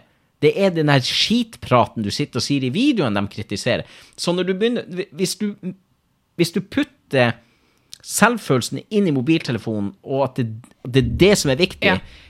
Da kommer du aldri til å få det bra. Nei. Fordi folk liker deg ikke. Ferdig med det. Punktum. Mm. Hvis de liker deg, så liker de en fiktiv verden du har skapt Mm. rundt deg sjøl i sosial, usosiale medier. Mm. Eh, du kan aldri bli ærlig nok, for du kommer aldri til å fortelle hvordan ting egentlig er. Vi har ei sperre, vi mennesker, det skal vi ha, Mm. for det er våres, en del av vår identitet, og den vil vi ikke blottlegge, egentlig. Det er vanskelig. Det er jo det jeg jobber mye med, er jo å virkelig bli 100 ærlig, Ja. så folk kan kjenne Magnus 100 Ja. Men grunnen til at jeg ikke lar folk gjøre det, er for at det, det er jo bare mitt. Mm. Og Charlotte og Veslemøy og mine foreldre. Og det, sant, det er bare for dem. Mm. Og kanskje ikke for dem engang, kanskje bare for meg sjøl. Mm. Så du kan ikke bli ærlig nok. Du kan ikke gjøre alle til lags. Du kan ikke vinne på usosiale medier. Sant? Så det er nå litt med det at um, Jeg tror vi har snakka om noe som er veldig viktig her. Ja. No, jeg tror ikke vi klarer å falle på noen konklusjon, Nei. men jeg tror vi har Og Og han gikk jo en helt annen uh, One Direction enn det jeg trodde den skulle. Men ja, um, jeg tror vi har snakka om noe som er veldig viktig. Men hva Ja, ja. for det handler om dem, altså våre etterkommere og. Å ja. Der hører du. Apropos. Nei, la det stå. Okay. Ja, faen heller. Det jeg holdt å si, det er direkte podkast. Ja. Apropos. Legg det telefonen, ja. Hva du skulle si? Jo, Jeg skulle si at det er, um, det er jo for våre etterkommere og dem som, altså våre barn og barnebarn som uh, For å bygge selvfølelse Mm. eh, Og så skal det sies at selvfølelsen bygges jo de sju første leveårene. Da er det på en måte Da er du 100 Det er ikke rart jeg ble fucka. Nei, Nei. du er 100 avhengig av andre for å bygge selvfølelse, for det er andre som bygger det for deg. Ja. Og så er du på en måte deltakende fra 7 til 13, og etter 13 så bygger du mye sjøl. Så etter 13 så er du fucked, på en måte. Mhm. Ja. Da er du aleine. Ja. Men de sju første leveårene er jo de viktigste. Det er jo Ja. der selvfølelsen skapes, grunnmuren på en måte etableres. Men, det, men det, da er det ikke rart at livet mitt har blitt som det har blitt. Fordi at eh, i samtalen som var det første showet mitt, så var vel en del av promoen for det showet var vi kan ikke bestemme hvem som er rundt oss når vi vokser opp. Nei. Og forestill deg da at du har mennesker som ikke bygger deg opp. Mm. Tvert imot. De tar kun frem de tingene du ikke klarer, og så. Og det var det jeg hadde. Ja. Bortsett fra mamma og pappa. Ja. Så var det mennesker som, som var veldig opptatt av hva jeg ikke klarte, hva jeg ikke kunne, og så videre og så. Mm. Så det, det, jeg er så glad jeg kom hit i dag. Mm. Fordi jeg har tenkt mye på de siste dagene. Hvordan jeg kan mende og reparere ting. Um, jeg kan ikke det. Jeg, jeg må, noen ting må jeg godta Ja. Uh, og, og gjøre det beste ut av det. Altså, det vil si, den delen av meg som vi snakker om nå fra eh, til sju år og sånn da, når jeg går på scenen med Jævelungen en kveld med Magnus, så føler jeg at i en stakket stund, for halvannen time, Ja. så er jeg heala. Jeg Ja. føler meg helt komplett. Når jeg sitter der, prater om de her tingene, folk flirer, applauderer, griner, durt-durt-du. så føler jeg at jeg Livet mitt er perfekt. ja. Og så går jeg av scenen, og gjerne på et hotellrom. Folk fortsetter festen, de drar ut på fest, og pub, og de drar ut og spiser og sånn. Og så sitter jeg og føler at eh, Men nå sitter jeg nå alene igjen, Ja. sant? ja. Eh, og så er jeg på en måte veldig tom igjen, da. Så Ja. det er jo litt av, tror jeg, litt av det gi og ta-forholdet i det jeg driver med, er at Ja. når jeg har forestillinga mi, så hjelper publikum meg til å få det bra. Og ved å dele alt som har vært, så gjør jeg noe for publikum, eh, og så går de til sitt, og så går jeg til mitt. Jeg fikk en liten tanke nå. Mhm. For i selvfølelsen vår, når du på en måte da ikke har en bra selvfølelse, da, så er det det der tomrommet i deg ikke sant? som trengs å fylles med, som du sa, alkohol, eller snus, eller røyk, eller uh, sjølskading, eller shopping, eller gaming, eller ja, hva som helst. Kan det tenkes, i hvert fall i mitt hue nå, så spør jeg det, kan det tenkes at det å ha forestillinger, det å på en måte være på scenen, er en sånn midlertidig påfyll for det. Men så tømmes det jo, sånn at du blir sittende der med det tomrommet og den derre Kall det ensomheten, da. Etterpå. Ja, ensom er jeg. Det vet jeg jo. Ensom er jeg, for jeg, når jeg har drukket, så, så, så strekker jeg meg ut i verden etter folk for å Ja. ikke føle meg ensom. Så det vet jeg at jeg er.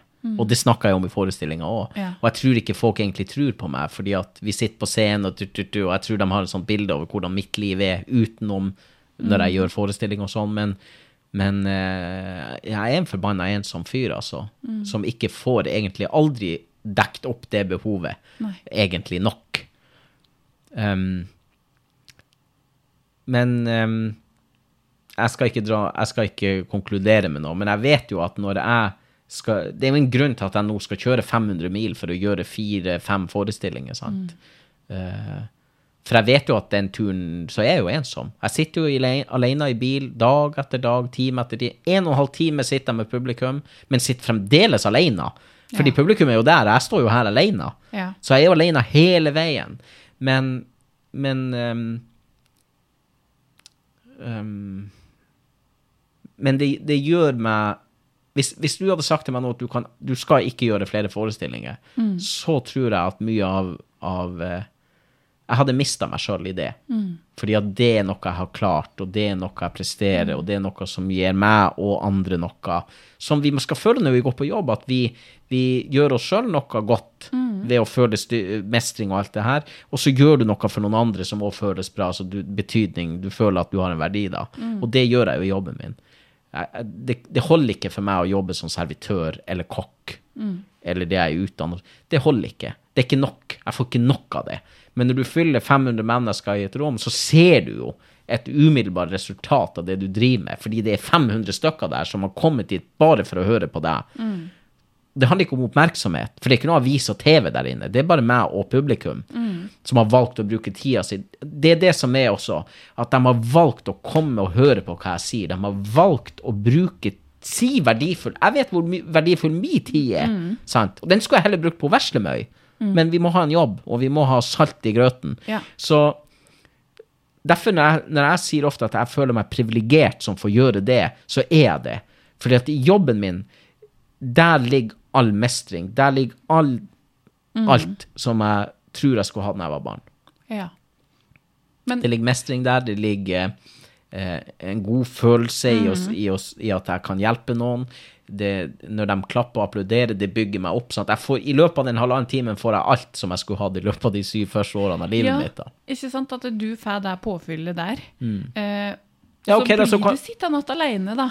Med den der ensomhetsfølelsen og dette. Jeg kan ikke ta med dem hjem. Nei. Men jeg sa nå, jeg var i Flatanger, og det var jævlig artig, og det var fullt hus og alt, og så jeg vil ikke gå hjem. Jeg vil ikke Nei. gå av scenen. For der jeg satt, så de skjønte alt. Humoren, historien, alt. Alt var perfekt den kvelden. Eh, og jeg sa det før, jeg, vil ikke gå hjem, Nei. sant? Fordi at um, Men jeg vil jo hjem til, jeg må jo hjem til babyen min. Så, men jeg, jeg vil ikke gå hjem. Det er mange år siden jeg har hatt en halvannen time som har sånn jobbmessig og mestringsfull og alt det der, at jeg har følt eh, det var så bra da. Eh, Og så er det andre kvelder hvor du gjør forestillinger hvor publikum ikke skjønner hva du snakker om. De skjønner ikke hvem du er. Nei. De skjønner ingenting av da, hva du prøver å formidle da. Det kan ikke du, det er bare en off night, og Ja. publikum er ikke innstilt på det heller. Så da, eh, det er dårlige kvelder også. Det, det, det er ikke dårlige publikummere, det er dårlige kvelder. Hvor her var det ikke tilrettelagt eh, det du skulle prate om, eller ja. Så det går opp og ned for alle Ja. I, i, en arbeidshverdag, da. Det så, gjør det jo. Men, men ja. Jeg, jeg tror kanskje, ok, så vi skulle ikke konkludere, men vi kan gjøre det likevel. Ja, jeg tror nok at du har litt rett. At jeg bruker det som et påfyll. Og når jeg går av scenen, de minuttene, kanskje de par timer, jeg får jo ikke sove etterpå, jeg er så full av adrenalin Ja. og glede og, og en sånn rus på livet eh, som alkohol aldri kan gi meg. Nå drikker jeg nesten ikke heller, da. Men, men eh, det kan jeg gjøre resten av livet. Jeg kunne hatt forestillinger hver eneste dag resten av livet. Eh, og jeg lever lenge på ei forestilling, da, sånn selvfølelsemessig, på en måte, da. Selv om jeg blir ensom og det er litt tomt og sånn, så, så mm, Jeg går ut uh, etterpå med hodet litt heva. Hvis du ser meg på gata helt tilfeldig, så jeg, går jeg egentlig ganske krumrygga med hetta uh, over hodet. Ja. Men etter forestillingen så har jeg gjerne frakk og Og er litt penere kledd og litt sånn. Jeg ser ikke så uflidd ut. Nei. Så ja. Men hva tror du sjøl, da? At, um, eh, hvis en skal kalle det et sånt tomrom, da. Hva tror du du kunne fylt det med for din egen del? Altså av deg? Det er nok det jeg jobber med nå. Ja. Det å fjerne f.eks. det å fjerne sosiale medier og sånn. Er å finne mer ut av det. Mm. Altså finne ut uh, Jeg har en tanke på, på fremtida, og jeg og Charlotte vi skal ha et par unger til. Og um, jeg ser jo at jeg får styrt Jeg har jeg, OK, det her, jeg vet ikke om jeg har sagt det her før. Jeg tror ikke det. Men jeg, jeg har i mange år siden jeg var 14-15, kanskje Jeg klarer ikke å huske. Hadde en sånn enorm eh, behov etter å uh, elske noen og bli elska, for å være helt ærlig. Og det er ikke før veslemøy kom til verden at jeg har følt at det har at jeg har fått uttrykt det, Ja. og at jeg får det tilbake. Eh, så jeg må fortsette den veien. Fordi jeg Etter å veslemøy kom til verden, så har jeg blitt mindre avhengig av andre folk der ute. Og jeg har vært veldig avhengig av mennesker, spesielt kvinnfolk. um, mindre avhengig av det. ja. Og mer eh, Ting har blitt eh, litt roligere for meg, for hodet mitt. Jeg sover bedre om nettene, jeg spiser bedre. Jeg, mange ting har blitt bedre. Så jeg tror jeg må fortsette ned den veien. Nå overtar vi huset, og, og med jacuzzi og bålpanne i hagen. Og, Ja. og jeg elsker de tingene. Jeg har ikke hatt noen mulighet til å gjøre de tingene i ei leilighet. Og Nei. jobben min har tatt veldig mye tid. Men det er å ta bedre vare på deg sjøl, rett og slett. da. Det kan jeg gjøre der. Ja. Mm. Så det blir et rekreasjonssted. Sånn hjemme skal være en Ja. rekreasjonsplass, Ja. men det har ikke vært det for meg til nå. Fordi at det har vært jobb, jobb, jobb, jobb. jobb. Mm. Eh, det å finne ut hvordan skal jeg gjøre det. Husk at det er ingen som har lært meg noe av det jeg bedriver. Jeg har funnet det ut sjøl. Funnet ut hvordan jeg skal lage bøker, trykke dem opp. eh, Rett og på med slett selvhjelp. Ja, det er jo det. det er jo, og det er jo det jeg skriver, jo selvhjelpsbøker. Ja.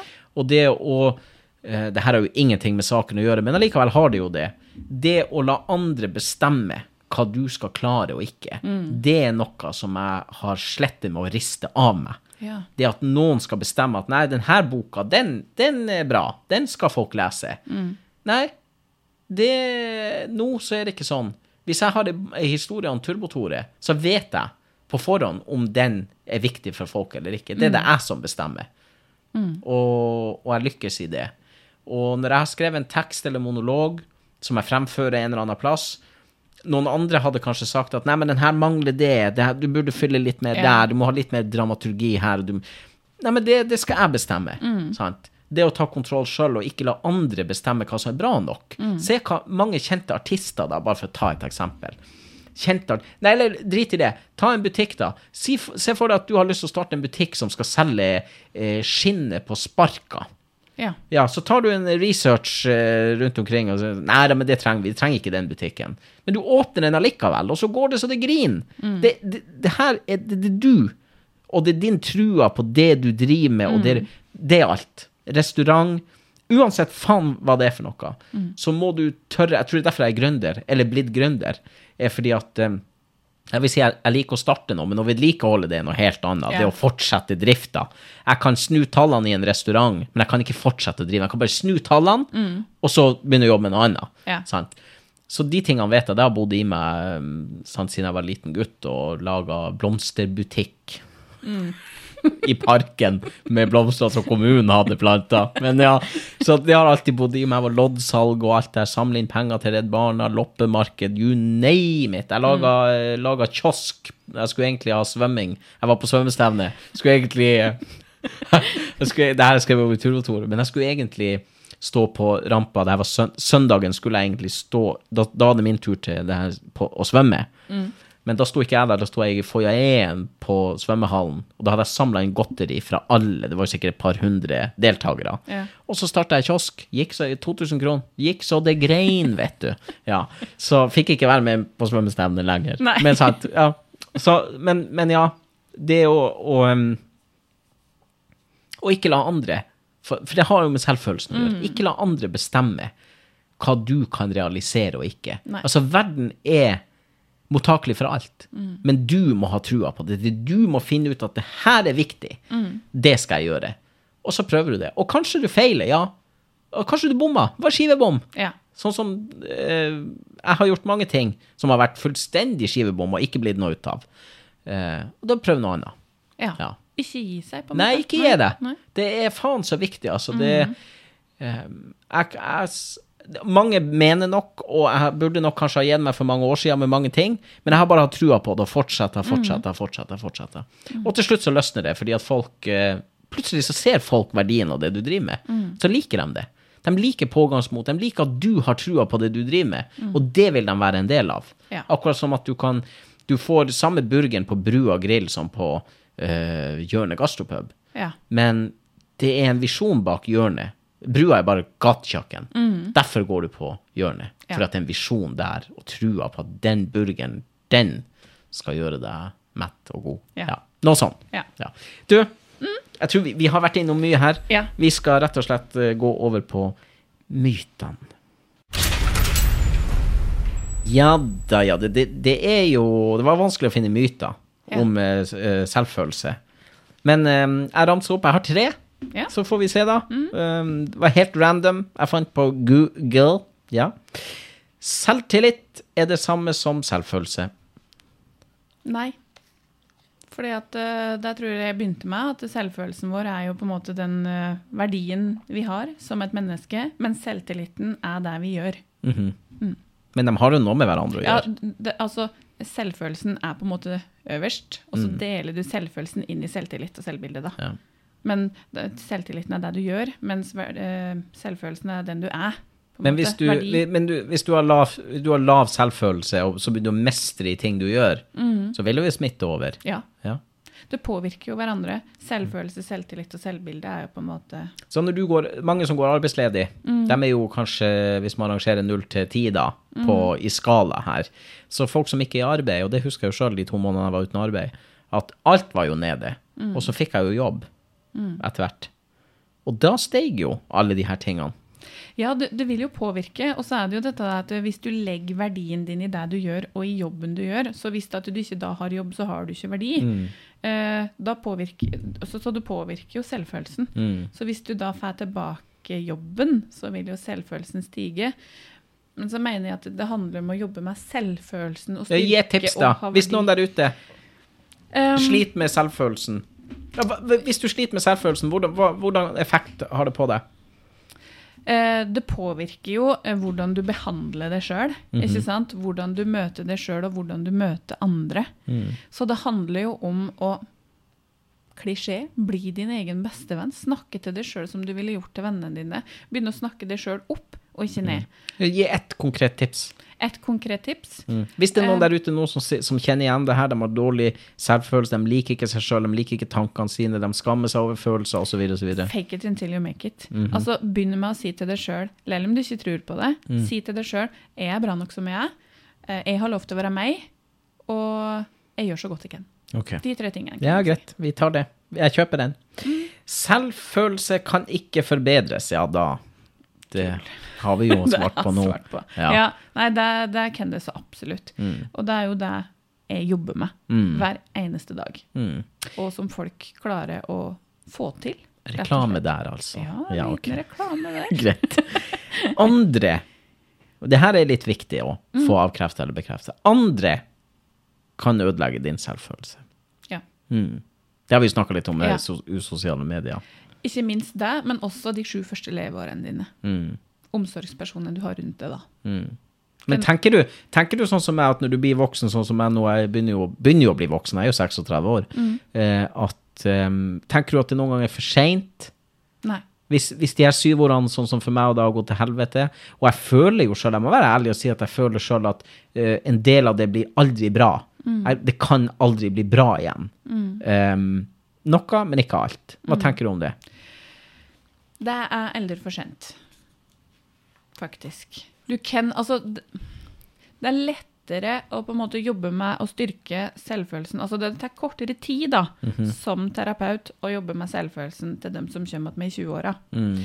enn til dem som kommer med når de er 60-70. Mm. Fordi det får lov til å gro seg så fast hvis de ikke har tatt tak i det, da. Mhm. Um, Det slutter jo aldri å være viktig, nei. sant? Og selvfølelsen det er er, ikke noe som er endelig. Du trenger Nei, å jobbe sant. med det. mange, jeg tror mange tenker at nei, nå er jeg blitt så så gammel, eller nå er livet mitt så så Så da skal det bare være sånn. Ja. Det skal jo ikke Nei. det. Altså, Ikke hvis du ikke er fornøyd med sånn det er. det viktigste i verden, tror jeg, Mm. for oss, og vi lever jo i vår egen verden, selv om verden er svær, Mm. så er jo hvordan du har det i hverdagen, Ja. jævla viktig. Tåler det sjøl på godt og vondt. Altså, verden er kald på den måten at om Karina ikke har det bra, så skiter verden i Mm. Ja. det. Så hvorfor kan ikke Karina like gjerne da ha det bra? Mm. Og sørge for at jeg sjøl har det bra. Ja, det er det jeg mener. At Ja. du eh, Verden bryr seg ikke. Nei. Om du sitter i din egen pøl av mislykkethet, og du hadde en helvetes dårlig barndom, og drømmene dine brast, og det, det, det bare skit og elendighet Verden gir seg faen. Mm. Ja. Så lenge du kommer på jobb og smiler, så Mm. drit verden i resten. Og når du legger ut et bilde på Facebook 'Fantastisk arbeidsdag i dag. Helt nydelig.' Dytt, dytt, dytt, og du kommer hjem til et helvete. Verden bryr seg ikke. Mm. Nei. Rett og slett. Og folk sitter og klikker like Ja. på bildene dine uansett. Ja. Sant? Så hvorfor ikke heller bruke det? Her blir jeg engasjert. Ja, det er foredragsholderen i meg som er kommer frem. Ja, ok. Nei, men Karina, eh, det er ikke noe mer å si. Nei. Jeg tror vi har vært innom eh, mye av det som vi skulle prate om. Ja.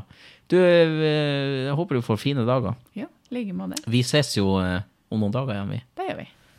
Og til alle dere andre fantastiske lyttere som kommer tilbake til denne podkasten som varer altfor lenge. Jeg vet at den gjør det, men eh, Ja, det er så mye å prate om, ja. Eh, men jeg håper du gidder å rate, som sagt. Smell inn en liten rating. Sett det på null, eller sett det på fem, eller hva slags ratingsystem du har. For det gir i hvert fall en indikasjon på om vi skal fortsette eller ikke. Det er du som bestemmer det, faktisk. Og når det er sagt, tjen Herren med glede.